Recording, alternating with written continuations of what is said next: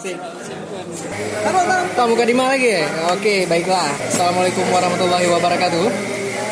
Ah, kembali lagi dengan suasana yang sangat-sangat berisik di malam hari di warung kopi hmm, Rebe namanya. Apa yang menarik sama aku sampai kita singgah kemari? Gak aku pesan hari ini tapi coklat terenak di sini Des. yang paling coklat ya. coklat yang paling coklat itu di Rebe sejauh ini ya. Tapi kalau kopi lain aku gak tahu. Ah, malam ini kita kebetulan ngumpul nggak hanya aku aja. Aku Fuadi, aku kenalin dulu. Nah, aku Fuadi, Oke, dan aku Desi ya. ya ada Desi. Dan kita mengganggu malamnya Hadi Firsawan di sini. Karena dia luar mampir sini ya. Enggak, ini kebetulan aja nih. Kebetulan ya. Pertemuan yang tidak direncanakan ya. Dan dia jelasnya terjebak, terjebak eh, di antara pertemuan yang tidak disengaja. Ya, Kesalahan dia karena menjadikan tempat eh, ini sebagai markas kali ya. Markas. Sering-sering sini di. Jadi Rebe ini jadi salah satu tempat yang menarik untuk kita kalau mau kerja kayak nulis karena tempatnya nggak terlalu rame, harganya murah, minumannya enak.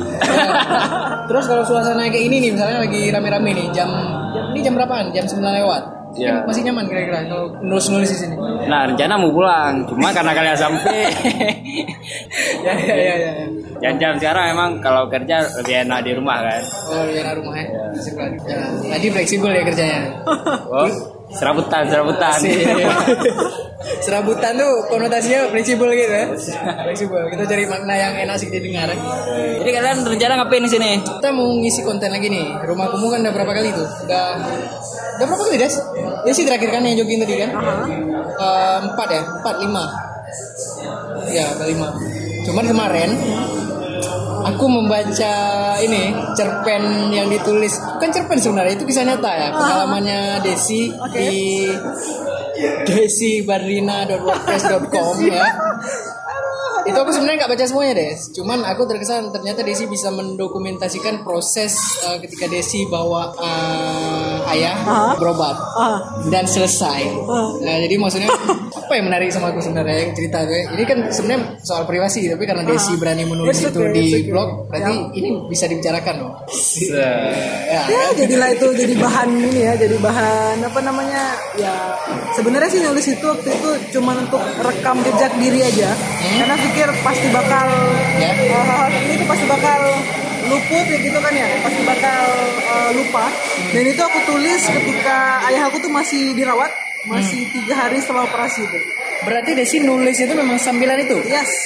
sambil sambil ngawal tuh Desi nulis terus gitu Eh, hari pertama enggak ya. Jadi ayah aku tuh masuk eh, ruang operasi itu sekitar jam kalau abang ada baca tulisan itu itu sekitar jam 2 siang. Lalu itu masih ramadan ya. Ya.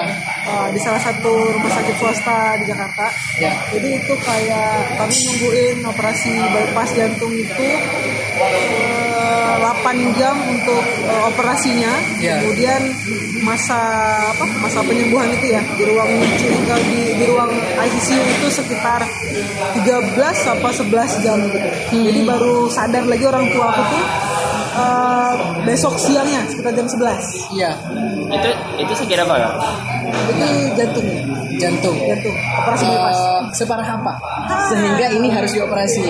Bisa diseritain ini berapa tahun sebenarnya udah sakit jadi karena memang jadi oke aku cerita dulu soal sistem kekebalan tubuh kita ya rasa kekebalan tubuh kita tuh. Ternyata ayah aku itu tipe orang yang eh, jarang mengaduh ketika sakit. Hmm. Terakhir tubuh dia itu mampu menyesuaikan diri dengan tingkat kesakitan yang bisa dia tahan. Ya. Nah, satu waktu ketika memang sudah parah sekali dan memang tidak bisa lagi ditahan, Ya. tiba-tiba karena ini penyakit jantung, jadi dia kena serangan jantung. oke. Nah, itu setelah diperiksa, Hah? eh, ternyata tiga pembuluh darah itu yang di jantungnya bilik kanan, kiri sama tengah itu sudah tersumbat hampir 100%. Eh, pemicunya misalnya eh, pola Rokok hidup yang pertama. oh merokok dulu Pasti ya Rokok ya karena memang yang rokok berat ya. Ya. Itu yang pertama, kemudian juga makanan. Makanan karena memang sudah tua tuh emang harus jaga-jaga makanan ya. ya ya, ya.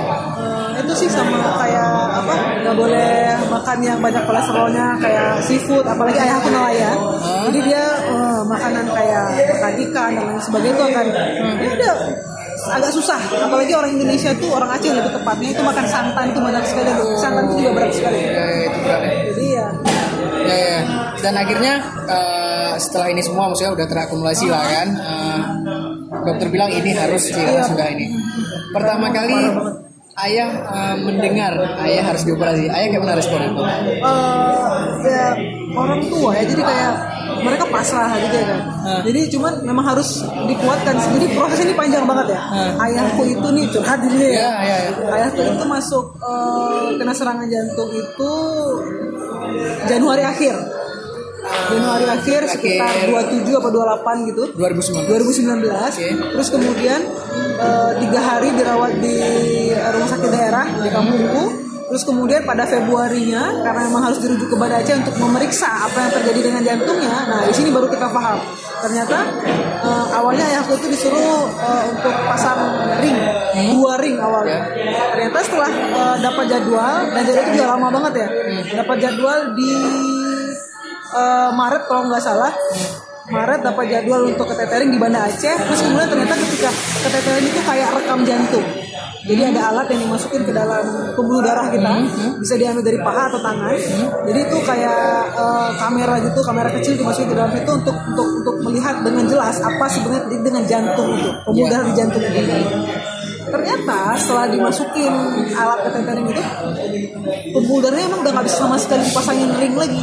Andaikan ringnya tetap dipaksa pasang itu bisa jadi mungkin 15 ring yang dipasang. Jadi sama sekali tidak efektif.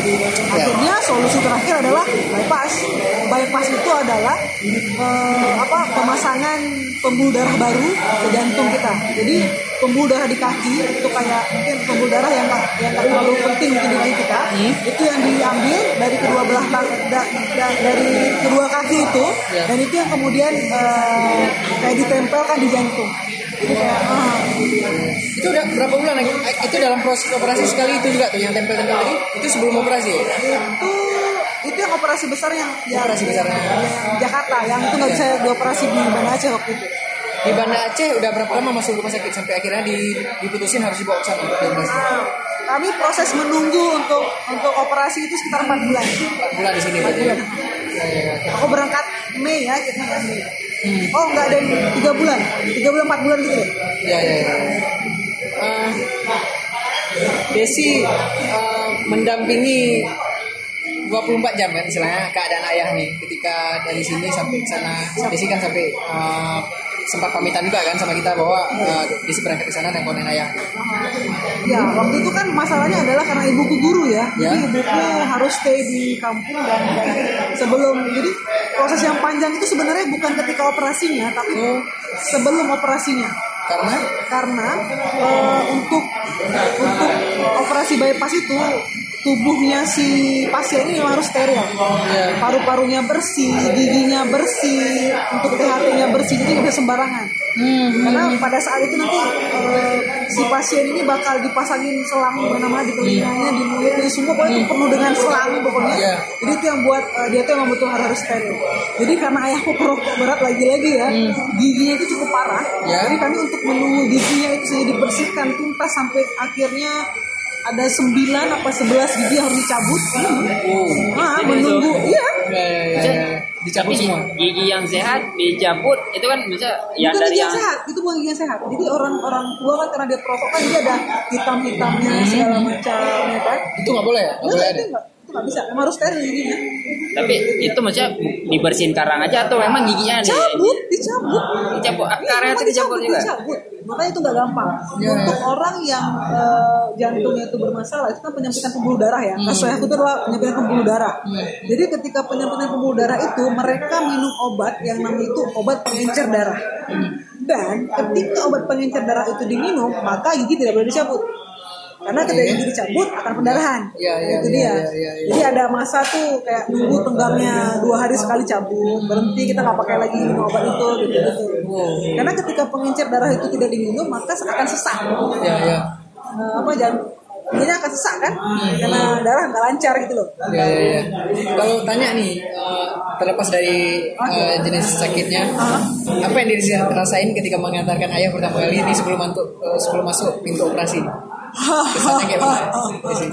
Jadi eh, dia kan sistemnya itu adalah nah, pasien tuh diopname sehari sebelum operasi ya.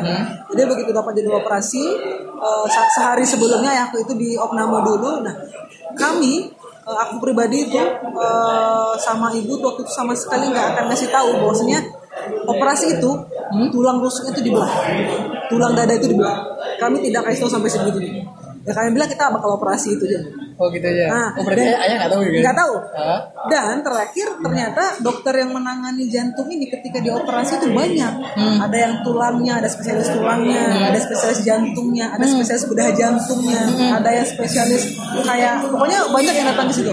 Oh berarti yang mau operasi ayah Iya, banyak orang orangnya. ya. Kan itu kan jantung ya. Jadi Ya. nanti ada yang darahnya segala macam. Jadi tuh mereka tuh kayak kolaborasi gitu kan ya. Eh, apa namanya mengobati satu pasien Ya. gitu. Ada yang anestesinya juga, jadi itu beda-beda Hmm. Gitu. Nah, di situlah ketika bertemu sama yang belah, yang yang apa kayaknya yang yang yang bedah tulang itu, Ya. nah di situ baru dibilang. Jadi dokter itu bilang langsung dan aku terdiam. Tadi, oh tiba-tiba, oh, oh gitu kan ya. Itu udah, ini udah udah udah tinggal hitungan jam ya. Ini bisa mundur lagi kan. Ah, Ini bapak nanti bakal dadanya bakal dibelah jadi Hah? nanti di situ kita bakal pasang. Jadi detail dijelasin. Tapi dia diam nggak mau aku. Terakhir eh, ayahku tuh orangnya humoris sekali. Nah, jadi apa apa tuh dia ketawa. Buat buat buat kita ngelucu ngelucu padahal waktu itu tuh lagi ramadan ya posisinya Ya, ya. ya ramadan ya. Ramadan ketujuh apa ramadan kelima waktu itu aku lupa. Eh, jadi kita udah diam tiba-tiba beberapa jam sebelum operasi itu dia udah diam hmm. Dan ah itu yang aku yang yang yang sangat eh, apa namanya tuh ada adegan lucu sebelum dia masuk ruang operasi. Hmm. tidak boleh ada eh, apa namanya tuh eh, rambut eh, di seputaran mulut. Ya. Nah, di seluruh tubuh dia tuh nggak ada. Dia harus dicukur semua. Ya, masuklah kumis. Yang dipertahankan anak Oh. sejak muda. Maskot kehormatan lah dan gitu, itu ya. nggak boleh nggak boleh nggak boleh ya. ditentang ya kan dan itu hampir ditentang kan. Nah ketika dia dia masuk kamar mandi pertama kan itu kan harus ini tuh. Ya. "Eh, ini gimana nih? Eh, kumisnya bisa nggak? Ada gitu kan. Nggak usah kumis? Terus tiba-tiba eh, perawatnya masuk lagi ngecek kan bapak udah siap? Gitu lah kumisnya kok nggak di kok nggak di eh, cukur gitu. Oh kumis juga aduh jangan jadi suka mulut di situ kan. Ya, akhirnya ibuku kayak kayak apa ya kayak eh, membujuk dengan dengan dengan halus. Udahlah ya itu kan cuma kumis itu bakal tumbuh lagi. Itu kayak juga sih. kehormatan lo gak sih Eh, dengan berat hati ditemani oleh perawat di dalam kamar mandi. Ruang ya kebetulan waktu itu eh, syukurnya ya eh, meskipun eh, ibuku tidak pernah sakit segala macam jadi aku bersyukur sekali waktu itu fasilitas aku tuh bagus banget dapatnya ya. Eh, Apa fasilitasnya? fasilitas. kelas kelas A waktu itu ya. Kelas satu karena kan maksudnya ya, bersyukur lah kita dia Iya, iya, iya. begitu ayah yang sudah tua kemudian dapat kamar yang bagus juga gitu kan. Jadi eh, pokoknya nyaman lah gitu ya. Begitu ditemanin oleh si perawat ke dalam kamar mandi dia bilang, begitu keluar kami ngakak semua kok ngomong nggak pernah melihat ayah tanpa kumis berarti ya? begitu begitu begitu begitu tiba di situ ah ini siapa gitu serius aku sampai foto itu dan aku bilang aku sampai malu ah ini ayahku bukannya ini ayahku bukannya gitu jadi kayak lucu banget ya itu beberapa jam sebelum masuk Katanya Bang Fadi, sorry ini agak panjang ya. Am, gimana ya ketakutannya adalah Huh. Jadi sebenarnya eh, banyak yang menentang operasi ayah. ya betul Itu dia. biasanya seperti itu Saya yang Iya. nentang keluarga. keluarga keluarga, ya keluarga yang lain. karena Karena mereka kan merasa ngapain itu operasi bypass nanti gini gini. Padahal dia nggak tahu kondisi dia gimana. Ya, ya. Jangan nanti nggak bagus di jantung nanti kamu nggak bisa gini gini segala macam. Jadi eh, detik-detik mau masuk ruang kam- kamar operasi itu aku mikir berdua sama ibuku bahwa ini ketika masuk tuh dia sehat. Jadi posisi pasien jantung itu sekilas dia kelihatan sehat sekali. Hmm. Karena yang rusak tuh di dalam. ya apalagi kalau misalnya ketemu sama orang yang dia sakit tapi nggak banyak ngeluh-ngeluh gitu loh. Jadi kayak dia. Padahal tuh di dalam sesak gitu loh. Nah ayahku tuh tipe yang begitu. Jadi ketika mengantarnya ke dalam dan dia sehat sekali tapi kan ah, aku mikir ini ini gimana? Waktu jadi doa tuh panjang banget. Kami cuma berdua dengan dengan, dengan ibuku waktu itu. Aku uh, uh, maksudnya sem- semua ayat dibacakan aku ngaji. Lagi waktu itu ramadan ya. Kita baca dan dan uh, masa penantian itu emang huh, luar biasa. Syukurnya ada beberapa pasien lain juga yang sedang apa ya? Bukan pasien ya pen- pendamping pasien yang sedang menunggu juga. Ya. Tapi posisinya mereka sudah siap operasi. Jadi kita berada di ruang di depan ruang eh, ICCU itu jadi saling bercerita. Ternyata pengalaman orang lain juga begitu nggak apa-apa kak. Pokoknya kita kayak ada yang support lah gitu ya. Iya, iya. kan dari Aceh ya gitu gitu. Oh ya kemarin ya iya nanti semoga sehat bapaknya gitu gitu jadi ya ada yang menguatkan juga. Kalau Desi sendiri eh, maksudnya ada ada berpikir kan bahwa ini beresiko. oh pasti Ah, iya. jelas yang udah pasti tuh Itu ada ada dibicarakan di, Oh, di ada, sama ada, mama ada, sama ada. Malahan dokternya bilang di depan-depan kita semua. Ah, oke. Yang udah pasti bu, bisa jadi ini eh, apa tingkat resiko juga tinggi katanya. Ya. Pertama tuh stroke. Itu yang aku paling takut. Oke. Awalnya stroke itu ya. Eh, terus kemudian apa lagi kata dia lari nanti ke, ke, ke ginjal dan lain sebagainya. Jadi dampaknya itu bukan ketika dia dioperasi tapi setelah itu. Setelah dioperasi. Dampak setelah dia selesai dari ruang operasi. Itu tapi dampak itu eh, kalau operasi yang sukses juga kena dampak itu atau Iya, itu dia. gitu. sukses pun operasinya nanti akan terlihat dia bagus apa tidak itu setelah dia sadar itu dia jadi ada yang sampai waktu itu aku ingat banget eh, bapak itu dia operasinya mungkin seminggu se- sebelum ayahku gitu ya.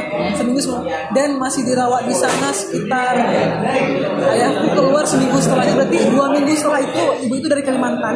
Jadi bawa ayah dia ke sana bawa bawa bawa bawa si bapak ke dalam sana udah masuk ruang operasi tetap tapi nggak bisa karena bapak itu dia aku lupa katuk apa gitu yang itu memang tidak ditanggung sama BPJS kalau dia mau operasi dia harus bayar 350 juta dia berdua dengan anak dia anak dia masih kecil kelas satu aku lupa siapa namanya. Tapi anak itu apa ya ceria sekali. Jadi dia yang nemenin mama ada di situ. Eh, anak-anak kan gak boleh masuk ruang tuh Iya. ruangan ya karena dia masih kecil banget ya. Jadi ya ya udah dia dia duluan di ruang di ruang tunggu. Itu jadi lari ke sana lari kemari main sama pasien yang lain eh, sama pasien yang lain. Apa yang Desi bahas ke mama resiko itu? Kalian misalnya kalian ngomong apa misalnya saling menenangkan satu sama lain atau Eh, kami lebih banyak diam Oke, ya. karena emang Artinya dalam kondisi daripada dibahas kayak gitu ya, daripada dibicarain, ditahan aja masing-masing daripada di, diceritain ini dia pula jadi susah gitu. lebih banyak doanya Oke, oke. karena waktu itu juga Ramadan ini momennya tuh kayak pas banget Iya, iya, iya. Tapi emang situasinya nggak enak gitu ya karena re- banyak resikonya dan Oh, ketika itu berhasil pun kalian tetap masih punya resiko. Iya, iya. Tapi ada satu hal yang buat aku tuh kuat banget ya dua hari sebelum berangkat, dua hari sebelum tiket pesawat itu eh, aku dapatin dari BPJS. Eh, aku ketemu sama nenek-nenek. Yang itu dia eh, tiba-tiba itu bersinggungan. Kan aku udah sering tuh pergi ke poli jantung ya tapi nggak pernah ketemu sama nenek itu. Nenek itu dia nemenin suaminya udah tua banget. Bapak itu mungkin sekitar 84 tahun umurnya. Aku lupa siapa namanya ya. Jadi eh, aku duduk bersebelahan terus ngobrol sama nenek itu. Karena aku juga udah bingung karena banyak yang bilang udah nggak usah bawa lagi. Karena udah lama banget prosesnya. Bayangkan dari Maret sampai dengan Mei belum juga berangkat. Eh April lah akhir April belum juga berangkat. Kapan nih kapan nih? Kok lama banget? Gitu jadi semua nanya lah belumnya udah. Eh berarti udah sembuh dong gitu gitu kan. Jadi apa komentar-komentar netizen yang luar biasa tuh aku bilang aduh nggak tahu deh.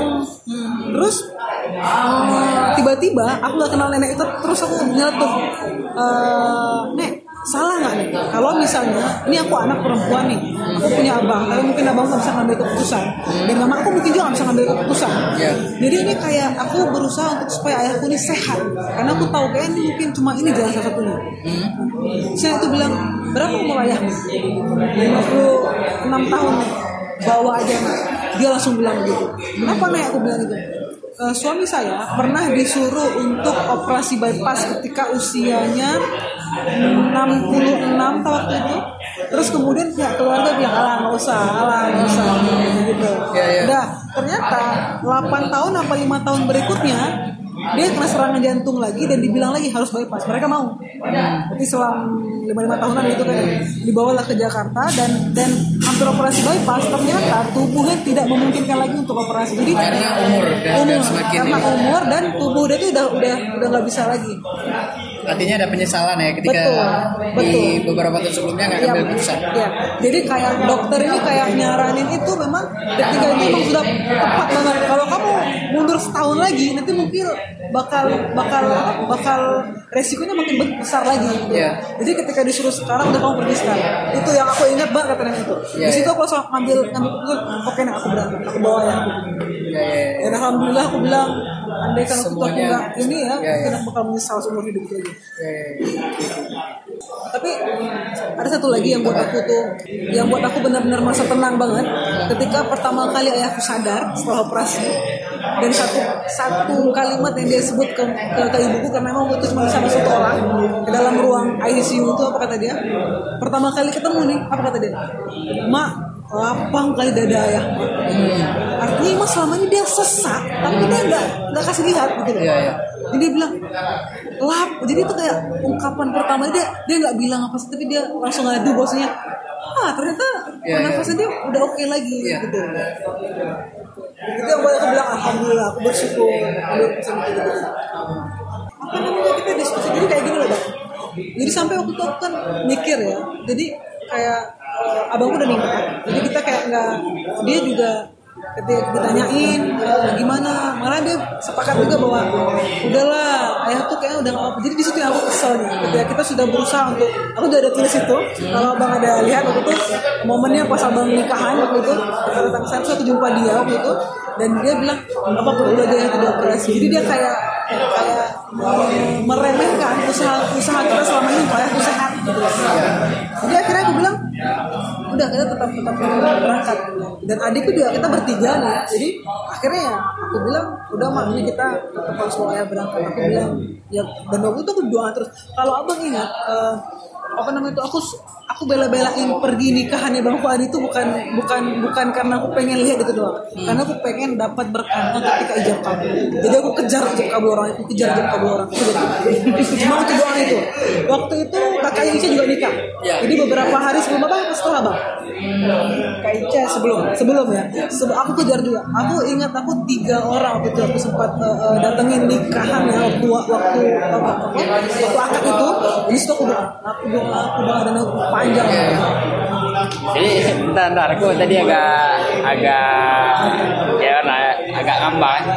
Jadi kalau kita berdoa di tempat nikahan orang itu aku percaya banget bahwa aku juga pernah dengar ya sosok ngomong kalau misalnya tempat yang paling makbul ketika kita minta doa itu adalah ketika uh, akad nikah jadi akad nikah orang itu kayak malaikat sedang berkumpul di situ semua jadi kayak mengaminkan semua permintaan kita jadi uh, itu tempat yang paling sakral sebenarnya. Jadi kalau kalian pengen datang tuh jangan datang waktu walimahan datang waktu acara jangan datang waktu makan-makan aja. karena yang terpenting adalah ketika ijab. Kabul apalagi ketika ijab itu tuh aku aku tuh doa kencang banget. Ya di situlah aku ngejar ngejar itu. sampai aku ajak ayahku waktu itu Ya, ya, ya. nikahnya ayahnya si Ica apa eh, nikah ayah si Ica. Aku bawa Siraya, ayahku ya. Dan aku bela-belain pergi dari Banda Aceh untuk Bang Fuadi nikahan itu cuman untuk itu itu itu apa ya, Ya, ya. itu ya supaya kalian tahu lah jangan nanti Bang Fuadi terlalu wah ini sih bener-bener juga gitu. Ya, ya. tapi posisinya ayah aku di Banda Aceh dan itu aku tinggalin karena aku pengen pengen pengen dapat doa tadi aku kejar doa itu aja. Iya, iya. Eh, ketika Desi udah optimis kali ini harus bawa ayah operasi dan dengan optimisme yang sama juga Desi pengen ayah sembuh. Ya. Desi udah siap nggak? Operasi itu gagal. Ya, jadi gimana ceritanya? Kita nunggu di depan itu hampir 24 jam dan kita nggak pulang, duduk sampai malam. Kan itu kan sampai besok paginya lagi tuh ya. Jadi aku duduk di situ tuh sambil apa? eh, sambil terus baca Quran segala Ya. macam. Aku aku nungguin kita sambil menenangkan, kita nggak ngobrol sama sekali sama jadi sama-sama dia Ya, ya. gantian tidurnya gitu gitu. Kalau abang selesai baca sampai selesai itu tulisan, jadi ada kayak ada kan itu cukup panjang ya tulisan itu ya. Aku lupa berapa berapa ribu kata itu. Ada satu bagian tuh aku aku kayak ngobrol sama sama diri aku di situ. Ketika ayahku masuk tuh dalam keadaan sehat, terus tiba-tiba aku ketakutan sekali. Andai kan keluar, yang aku lihat dia sempat ketawa, dia Ya. sempat apa segala macam. Tiba-tiba pas keluar, tiba-tiba tinggal itu. Aku nggak sanggup ngebayangin itu. Cuman ya apa ya? Ya ya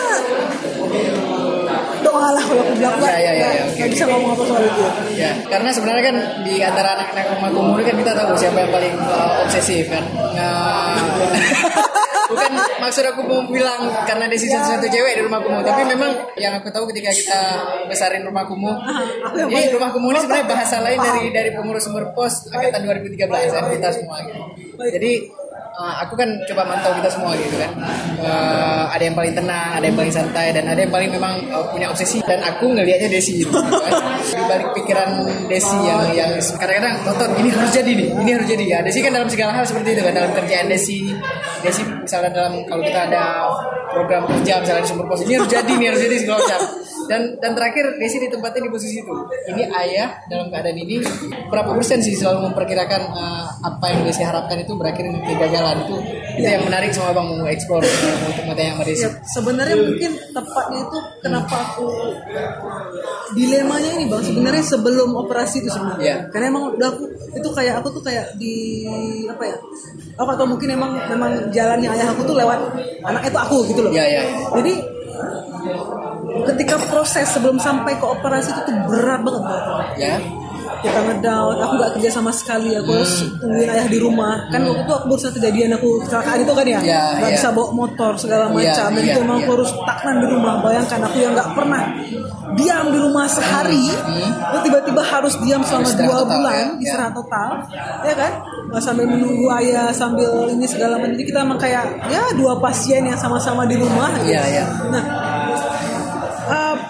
putus asa pasti pasti ada. Tapi Oke. kadang-kadang nggak tahu mungkin eh, apa ya kayak niat tadi mungkin ya. Habis itu eh, ke- kebayang aku pengen lihat eh, ibu masih muda nah, itu satu hal yang yang aku sangat betul-betul apa namanya itu eh, sayangkan sekali. Karena aku aku aku udah bisa ngebaca diri aku pasti nggak bisa bakal nemenin ibuku di rumah. Oke. Mungkin agak egois sedikit. Ya ya ya, ya. dan aku berharap ayahku harus sehat. Oke. Kalau bisa dua orang ini sampai tua bareng-bareng oke. kalau mungkin meninggal tuh mungkin ya sih kayak BJ kayak BJ Habibie lah dua Ya, tahun ya, tiga ya. tahunan lah gitu ya gitu. harapan besarnya gitu ya, agak egois pertama tapi eh, kemudian apa eh, semakin semakin ke depan semakin penuh kenapa ya emang harus pasang emang harus makan. Jadi itu proses itu yang yang buat aku kemarin itu emang sampai akhirnya ragu lagi orang akhirnya cuma aku tinggal sendiri yang lain pada sampai ibuku terakhir kali itu bilang Des, apa jadi kita bawa ayah berobat nak? Di situ pertanyaan yang buat aku betul-betul. Hampir dong. Ya. apa nggak jadi awalnya kita berdua nih. Iya, iya. nah baru jadi aku agak oke bisa ada satu lagi nih. Dia tinggal tinggal tinggal sendiri dan ketemu sama ibu itu dua hari sebelum berangkat. Di situ Ya, yang ya. buat aku bilang Ya, dan, dan, dan, dan itu maksud aku tadi Desi, artinya ketika Desi mempertahankan prinsip Desi ini harus ini harus jadi. Sampai Desi kan pernah pernah ada posisi tadi Desi bilang Desi tinggal sendiri karena mama juga udah mulai ragu nih. Akhirnya anggaplah ada keberuntungan uh, dari luar Iya. jum- perjumpaan sama nenek itu dan segala macam dan akhirnya itu dijalanin ayah operasi dan sekarang kayak mana keadaan alhamdulillah ya.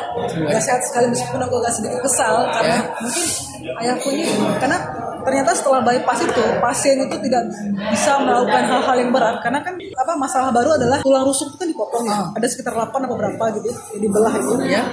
jadi kalau itu dia dalam posisi uh, sebelum satu tahun dia masih ser, masih angkat-angkat yang berat-berat. Angkat gayung itu tidak boleh tuh Ah, iya. Jadi ada berat-berat itu bakal bergeser karena kan itu Oh, iya, jadi sangat tulang ya. iya. jadi emang berat sekali Si mungkin ayahku tuh stres karena nggak ke mana-mana di rumah saja Iya. bawa sepeda motor masih belum boleh Iya. sampai sekarang gitu jadi tiba-tiba mungkin dia ingat kawannya dia stres jadi pernah isap rokok lagi akhirnya. Oh. Itu yang buat aku agak sedikit frustasi sebenarnya. Dan sempat jadi selama ini kita bawa ke sana ya sia-sia aja. Sampai aku hampir nyeletuk aku bilang berarti ayah nggak sayang sama sama anak ayah.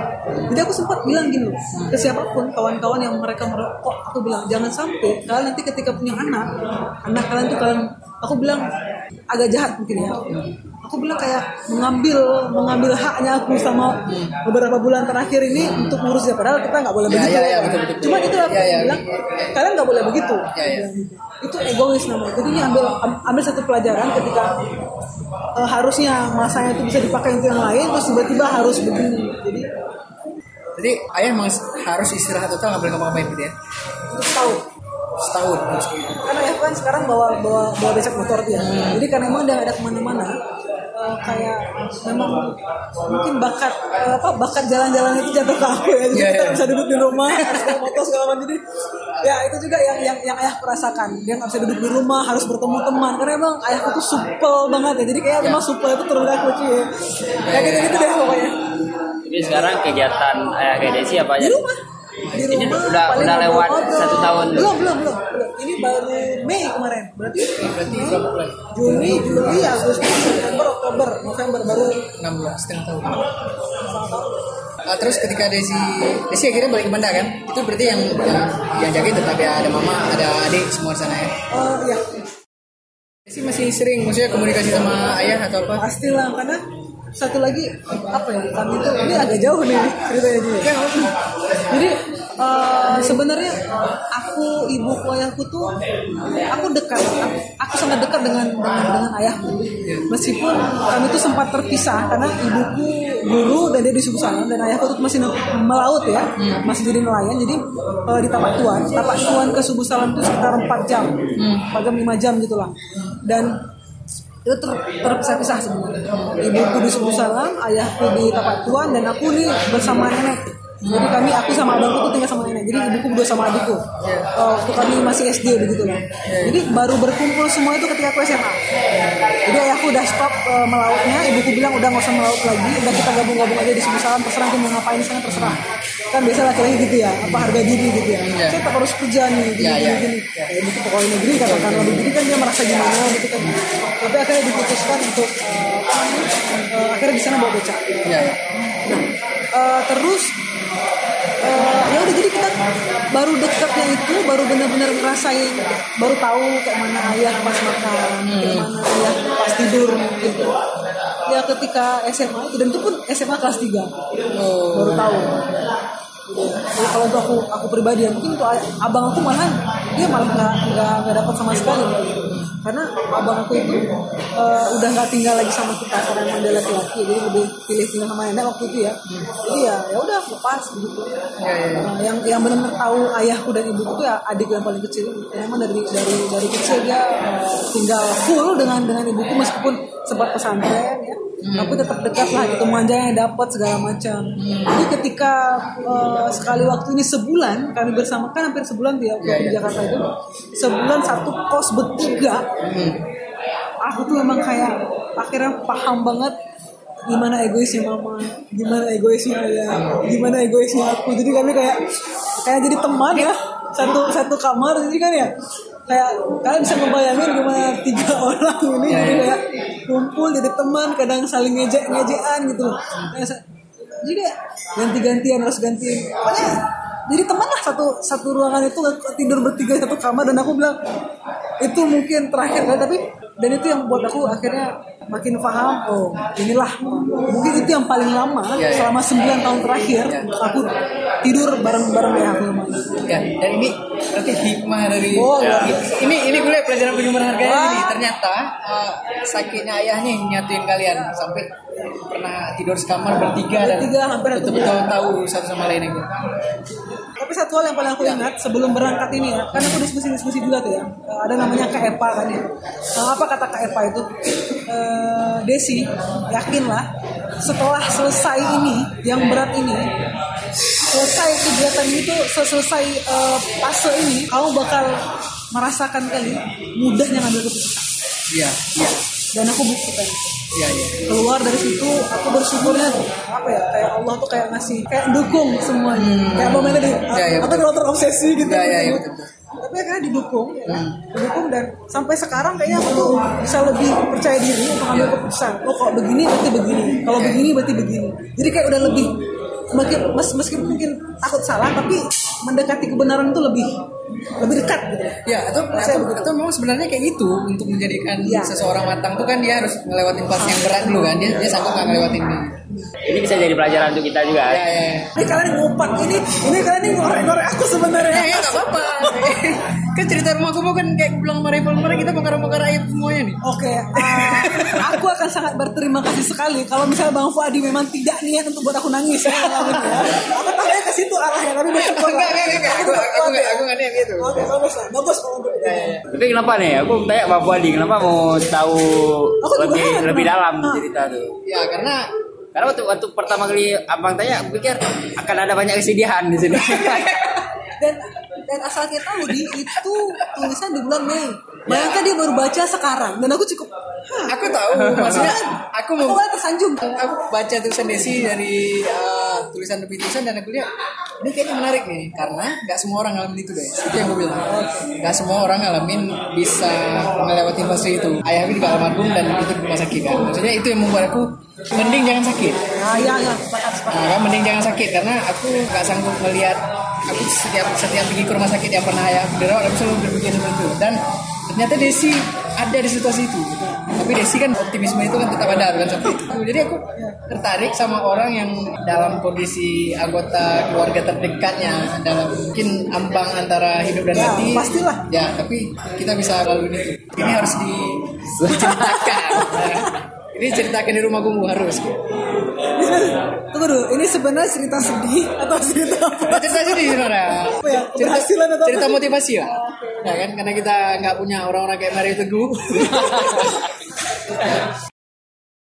Desi kan uh, satu orang di antara beberapa orang anak-anak rumah kumuh dan aku kan belum explore lagi nih teman-teman yang lain. Hadi kemarin juga uh, selapis ada cerita-cerita soal apa yang mau dia lakukan dan segala macam, apa tantangan-tantangan yang dia punya. Raiful juga sekarang, Raiful dan Nova orang yang memutuskan merantau. Aku pikir mungkin ini salah satunya. Jadi kan kalau kawan-kawan yang lain dengar, ini salah satu cerita dari kawan kita. Besok kan, besok kalian semua nih salah satu aku tanyain. ini. Ya itu. Tapi dari cerita Kak Desi ini, misalnya kalau untuk aku sendiri Ya ya, kalau dia apa yang kalian? uh, aku salah satu orang yang kadang malas dengan administrasi yang terlalu panjang Iya, dari itu dia. Nah itu yang yang kulihat dari Kak Desi, misalnya bisa konsisten, bisa bukan konsisten, tapi bisa menjalani itu semua dengan tetap semangat. Itu aku pikir mantap, weh. efek positif dari obsesi itu. nggak? Kadang-kadang obsesi itu menyebalkan untuk kita kan. Misalnya aku, aku per- kita pernah sama-sama di rumah di rumahmu di Sumber Pos dan Desi kan sering tuh. Dan aku sangat menyebalkan waktu Ya, itu, aku tahu. ter- terbentur. Maksudnya kan kita pernah ada masalah dulu kan, ya, sampai akhirnya uh, Desi mutusin uh, keluar beberapa bulan dari Sumber Pos. Aku aku sempat berpikir bahwa obsesi itu gak bagus. Pertama aku bilang, karena itu bakal mengorbankan uh, pikiran orang lain juga. Orang lain punya niat yang sama, punya niat lain juga, tapi dia istilahnya kan kalau kita berorganisasi ini kan harus ada menyatukan semua pikiran. Tapi karena satu orang obsesi itu akan menghambat kerja yang lain. Tapi ternyata setelah ngelihat Desi ngalamin hal yang ini, ternyata obsesi itu perlu. Ya. Nah, itu maksud aku, itu pelajarannya deh. Maksudnya ter- Ya. ternyata kayak ini apa pun hal yang mungkin misalnya emosi, ego itu itu perlu di tempat yang tempat tertentu gitu. Ya. Dan, nah, dan cerita di sini kan jadi motivasi untuk aku nih. Berarti harapan itu selalu ada. Iya, Gila, absolutely ya. Dengan kondisi kayak gitu kan, maksudnya operasi tadi udah pasang berapa ring dan segala macam masih Ya. ada harapan itu. Dan ternyata sampai sekarang ayah ayah Desi uh, sehat. Karena memang satu lagi eh, yang perlu di- diketahui oleh semua teman-teman di rumahku mungkin ya. Untuk Indonesia itu pengalaman eh, dokter bedah jantung kita itu udah Iya. 20 tahun. Ibaratnya tuh kalau nah sebelum operasi kan aku juga nanya tuh berapa persen Iya. kemungkinan sembuh gitu. Eh, selamanya operasi itu. Iya. Mereka bilang 98 persen emang udah tinggi tinggi tinggi tinggi, tinggi banget. tinggi. Tapi jangan di Aceh gitu. Oke, oke, oke. Sorry ya, tolong nanti di ini ya, tolong ya. Gak apa-apa evaluasi aja. Oh ya satu lagi bang, jangan mungkin kalian melihat di akhir ini aku terlihat kuat sekali, padahal enggak ya betul betul betul itu itu itu Satu orang yang aku bilang eh, ini juga berkat dukungan dari teman-teman ya. Ada satu orang temanku namanya Kak Deasi. Eh, eh, dia juga sama kayak abang ya, bahwa orang tua dia juga berobat gitu ya. Tapi, eh, tapi dia ibunya dan meninggal akhirnya Ya, ya.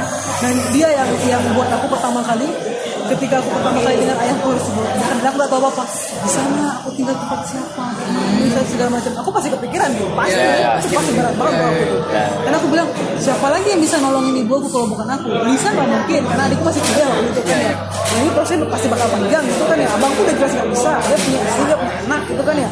Itu pasti aku gitu. Jadi aku kayak harus mengorbankan waktu dan lain sebagainya. Karena itu dari dulu aku paling egois sama waktu. Itu yang aku betul-betul pelajarin sekali ya. Ya. jadi kayak wak aku tuh kok waktu itu berharga banget gitu. Apa pun itu ya waktu gitu loh. Nah sampai akhirnya eh, kak Desi itu bilang kamu nggak apa sedih sekarang. Oke. Udah kamu kamu iniin aja rasanya. Kamu kamu sedih aja tapi jangan lama-lama ya kata gitu Eh, hari ini kamu nggak apa nggak terima kata gitu tapi dua hari lagi kamu harus kembali lagi nah ini biasa ini memang fasenya kata Ya. dan dia memang paham banget soal itu di situ lah aku baru sadar bahwasanya mau apa aku nangis mau apa aku sedih gitu. ya, ya. tapi nanti aku harus eh, harus Ya, siap ya, lagi sedih, sedih boleh tapi Ah. jangan lama ya. Gitu. Yang kemarin tuh itu pertama kali ke Jakarta atau itu ah, kalau aku itu kalau bawa ayahku ke Bogor itu yang pertama. Masalahnya lagi sa- satu lagi adalah berangkat sendiri dengan berangkat bawa orang tua. Jauh berbeda. Ya, ya. satu pasien satu lagi ibu aku. Jadi kayak oh kayak betul harus harus prepare betul-betul. Ini jangan sampai keteteran ini jangan sampai ketinggalan ini. Jadi aku sendiri dan harus uh, mengcover itu semua. Dan aku kayak harus briefing satu lagi ibuku sama ayahku tuh belum pernah naik naik, naik pesawat jadi kayak aku tuh betul harus ayah nanti gini gini gini ya ini tuh harus diobrolin Ya. Di, briefing dulu ya. Iya. Betul, betul. Iya.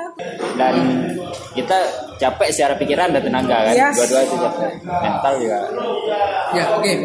Ini eh, selesai udah urusan ya. ya. Ini aku mau tanya lagi, urusan psikologi nih.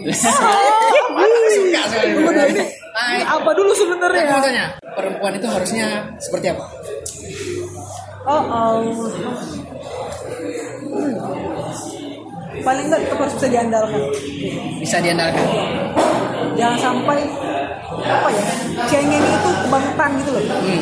Ibaratnya tuh kalau bisa emang aku tuh punya lagi-lagi mungkin obsesi. Ya, ya, ya, ya. Karena mungkin di keluarga aku cuma aku yang bisa diharapkan. Ya, ya, mungkin. betul, betul, Itu yang betul. buat aku mungkin Ada- ada situasi yang ada Desi harus seperti itu. dan aku harus bilang ke diri aku bahwasanya aku harus jadi diandalkan itu aja jangan sampai aku udah disekolahkan uh, oleh ibuku walaupun aku perempuan ya bukan berarti aku nggak bisa diandalkan gitu Oke. setelah kejadian ayahku aku bakal bela habis-habisan ibuku apa pun itu kejadiannya dan aku bakal bakal bisa pasang badan ke orang tua gitu aja Ya. ya. gitu aku pengen Iya. makanya aku bilang mungkin ya sampai saat ini mungkin aku berapa lamaran datang segala macam aku nggak mau ya aku bilang ya aku masih punya sesuatu yang aku harus harus harus harus harus kerjakan dan aku pikir ya aku bakalan bakalan bakalan terima itu begitu aku udah selesai dengan apa yang harus aku kerjakan Ya, dan dan uh, tanggung jawab Desi yang Desi emban ini kan misalnya bangun mental Desi juga misalnya ini mah aku bilang kita buka-bukaan di sini. Desi memutuskan aku nggak pengen menikah dulu. Maksudnya Desi bisa menerapkan itu. Budaya-budaya kita yang bilang perempuan udah umur segini harus nikah kalau enggak jadi bahan omongan dan segala macam. Karena Desi punya punya punya target Desi pengen ini pengen jagain orang tua pengen ini semua Tuh. tapi sebenarnya ada Ya. betul ya lagi-lagi ya kita Ya. nggak bisa berpikir bahwa sih orang tua tuh paham apa yang kita Oke. pengenin untuk dia padahal kan misalnya kan aku memutuskan seperti ini karena aku tahu aku masih masih dibutuhkan oleh orang tua karena aku yakin perempuan menikah itu nggak nggak gampang oke perempuan itu bakalan pokoknya nggak nggak nggak bakal segampang laki-laki nikah itu ya yang yang aku betul pahami Hmm. Ya, ya. tapi akhirnya aku kayak terjebak dalam satu perjodohan akhirnya itu diatur oleh orang dan aku marah besar waktu itu ya kejadiannya Agustus itu setelah ayahku sembuh waktu itu. Ya. dan itu aku marah besar sampai aku ngeblok nomor mamaku abangku dan Lisa dan juga Ya. eh, eh, pokoknya semua keluarga besar aku, aku blok semua karena aku saking marah dan aku bilang Termasuk nomor aku juga? itu masalah kalian berdua gak ada urusan sama tuh Ah, tapi bocorannya Hadi aku udah buka jadi kamu bahagialah ya. Sudah aku buka sudah terang semua. Semua jadi kamu jangan salahkan diri kamu karena aku juga melakukan itu kepada semua orang yang menurut aku emang aku butuh istirahat waktu itu jadi aku stopkan semuanya jadi eh, sampai akhirnya aku eh, sadar banget ya emang ini harus aku hadapi. Inilah salah satunya hal yang paling aku takutkan. Jangan sampai orang tua aku yang sendiri yang bilang jangan sampai ayah aku yang bilang kamu kapan nikah? Jangan sampai itu, itu yang paling dan itu terjadi. Aku nggak pernah sesakit hati itu. Aku pernah di- diputusin pacar tapi ini kayak lebih sakit ya. Ya ya ya pertanyaan dari ayah aku. Jadi kayaknya kayak aku kayak merasa waktu itu apa ya apa aku beban? Ya apa aku eh, udah benar-benar pengen dihilangkan ada daftar keluarga kakak itu ya? Ya, itu ya, seberapa ya. video ya, ya. Tiga hari tiga hari aku mikirkan itu semua. Sampai akhirnya eh, aku eh, cerita lagi ke teman dari si kamu harus ini hadapin ya, ya belajar dewasa ya. Ini mungkin titik-titik terberat aku waktu itu sampai akhirnya aku putuskan pulang dan aku hadapin orang tua. Aku dan sampai akhirnya orang itu juga datang ke rumah. Ya kan? Dengan ber- berdosa ya Pak Tol ya. oh jadi Desi marah ya? Hah? Enggak, aku Oh, pasang tampang paling jelek semua tahu dong gimana ramahnya aku ya, gimana supelnya aku ketika ketemu orang baru ya. Tapi tiba-tiba hari itu istri aku bilang, oh ini orangnya kayaknya. Jadi aku pasang muka paling jelek yang pernah ada dan aku bilang, masa itu paling paling nggak menyenangkan sama sekali dan aku bilang aku putus aku apa segala macam kan ya Ya. Desi pernah berpikir nggak bisa nyampein misalnya semua prinsip di sini Desi bisa tegas, tapi Desi bisa menyampaikannya dengan misalnya bahasa yang akrab lah sama orang tua. itu yang buat aku kesal aku karena Oh, iya. aku sudah bilang berkali kali berkali Oh, kali berarti itu berapa ya? sedang Ya, ya. Men- apa ya Mentok ya? Ya, ya. Udah itu berat berat Ya, ya. Jahat loh kamu nanya Angel serius tapi tapi aku mau bilang kayak gini ya aku udah nemuin banyak sekali yang akhirnya memutuskan untuk uh, tidak menikah di usia yang dianggap masyarakat banyak ini normal umur dia segitu. Uh, orang cuma bisa kata-katain kan? Tapi kalau kau tanya situasi apa yang mengkonstruk diri dia sampai dia memutuskan dia nggak nikah? Itu banyak nih cerita-cerita yang yang kita nggak nyangka itu yang menurut aku Dan orang kadang nggak paham gitu. Ya orang nggak paham. Jadi maksudnya di situ aku bullshit lah sama orang yang nentuin hidup orang lain. Misalnya dia dia dia pengen "Ah, kenapa kok nggak selesai kuliah? Kenapa kok nggak ini? Kenapa kok nggak kerja dan segala macam gitu kan? Ya orang kayak ngerti hidup kita yang kita jalanin itu apa gitu. Jadi eh, makanya ketika siap siapa pun maksudnya perempuan atau laki terutama perempuan ketika dia memutuskan untuk menjalani hidupnya, aku pengen berkarir dulu. Aku nggak mau segala macam. Aku tahu eh, dia pasti punya punya prinsip yang sangat kuat untuk. Jadi satu lagi pelajaran yang uh, aku bilang di podcast ini ya jangan terlalu banyak ngurusin hidup orang sebenarnya. Ya. Kadang-kala kita kita ngelihat secara kasat mata ada satu prinsipnya yang gak kita suka gitu kan. Tapi percayalah semuanya pasti punya sebab. Dan uh, Desi Desi salah satu cerita di situ maksud aku ya Ya, ya. keren kali ini? Keren kali ini ceritanya? gitu. Eh, tapi sorry ya, aku nggak bakal bayarin kopi Terus aku hari ini ya, tidak akan. Catat, uangku cuma tinggal 20 ribu lagi. ya, ya. Ada pesan deh kira-kira apa yang Disi pengen uh, sampaikan ke aku, ke Hadi atau anak-anak aku lainnya? Pesan. Closing statement. ya, closing statement. Disi pengen bilang apa? Dari semua yang udah Disi alami. Apa ya? Karena aku yakin dan percaya Laki-laki di rumahku mau tuh baik-baik budi semua Makanya aku nggak tahu mau bilang apa. Di Buktinya, samping hobi-hobinya yang liar ya. buktinya aku bertahan men ya kan? Ya, ya, Di ya. antara sekian laki-laki di situ aku masih bertahan. Ya. meskipun kadang-kadang ya ada satu orang yang aku menyebalkan. Yang sempat aku aku aku blokir nomornya. Ya? Iya karena memang eh, satu hal yang aku pengen bilang ke kalian. Aku tuh berteman tulus sekali. Jadi eh, mungkin ini kayak kelemahan sebenarnya. Tapi Ya, aku betul, aku betul. aku aku pengen bilang terserah kalian mau bilang itu kelemahan atau Hmm. apa gitu ya tapi dengan begitulah aku bisa bahagia ya berteman dengan tulus totalitas dan lain sebagainya tanpa ada Ya, ya. tanpa ada apa ya aku ketemu dia karena pengen ini aku ketemu dia karena pengen ini doang aku ketemu dia karena ini doang udahlah kalau untuk dia tapi kalau nggak ada butuh sama dia udah kita ditinggalin udah ah ya ya betul. Ya, ajas manfaat ya. Karena kalau kalau loyalitas Desi di rumah komuni udah teruji kali ya. Eh. Ya aku pernah, eh, karena kan aku sendiri pernah punya masalah besar dan orang-orang kayak Desi datang gitu kan. Orang kawan-kawan rumah komuni selalu datang gitu. Dan itu ngerasain ternyata eh, untuk bersatu itu nggak harus sama gitu kan. ya ya Kita di rumah kumuh eh, sumber pos ini di angkatan 2013 itu besar dengan perfect Ya, dengan pola pikir yang yang 180 derajat ada sama tuh. Hobinya aneh-aneh gitu kan. Tapi aku gak tahu kenapa kita gak pernah mengkonflikkan itu di ketika kita gabung satu cerita kita gak pernah ngeributin itu gitu. Kita punya latar belakang misalnya kalau kita bisa kan nama mahasiswa kan punya pandangan politik dan segala macam. Aku sama Dova sering gak cocok. Tapi kita bisa bangun rumah kamu itu. sepakat, sepakat. Akhirnya kan tuh angkatan yang paling solid bisa aku bilang. Betul, betul. Setelah sebelumnya kita nggak punya sekret kita ngumpul situ dan akhirnya sampai sekarang semua pos ada berurutan banyak. Ya rumah kumuh luar biasa lah betul betul yang sampai diterusin sama akhirnya siapa yang terusin habis itu si.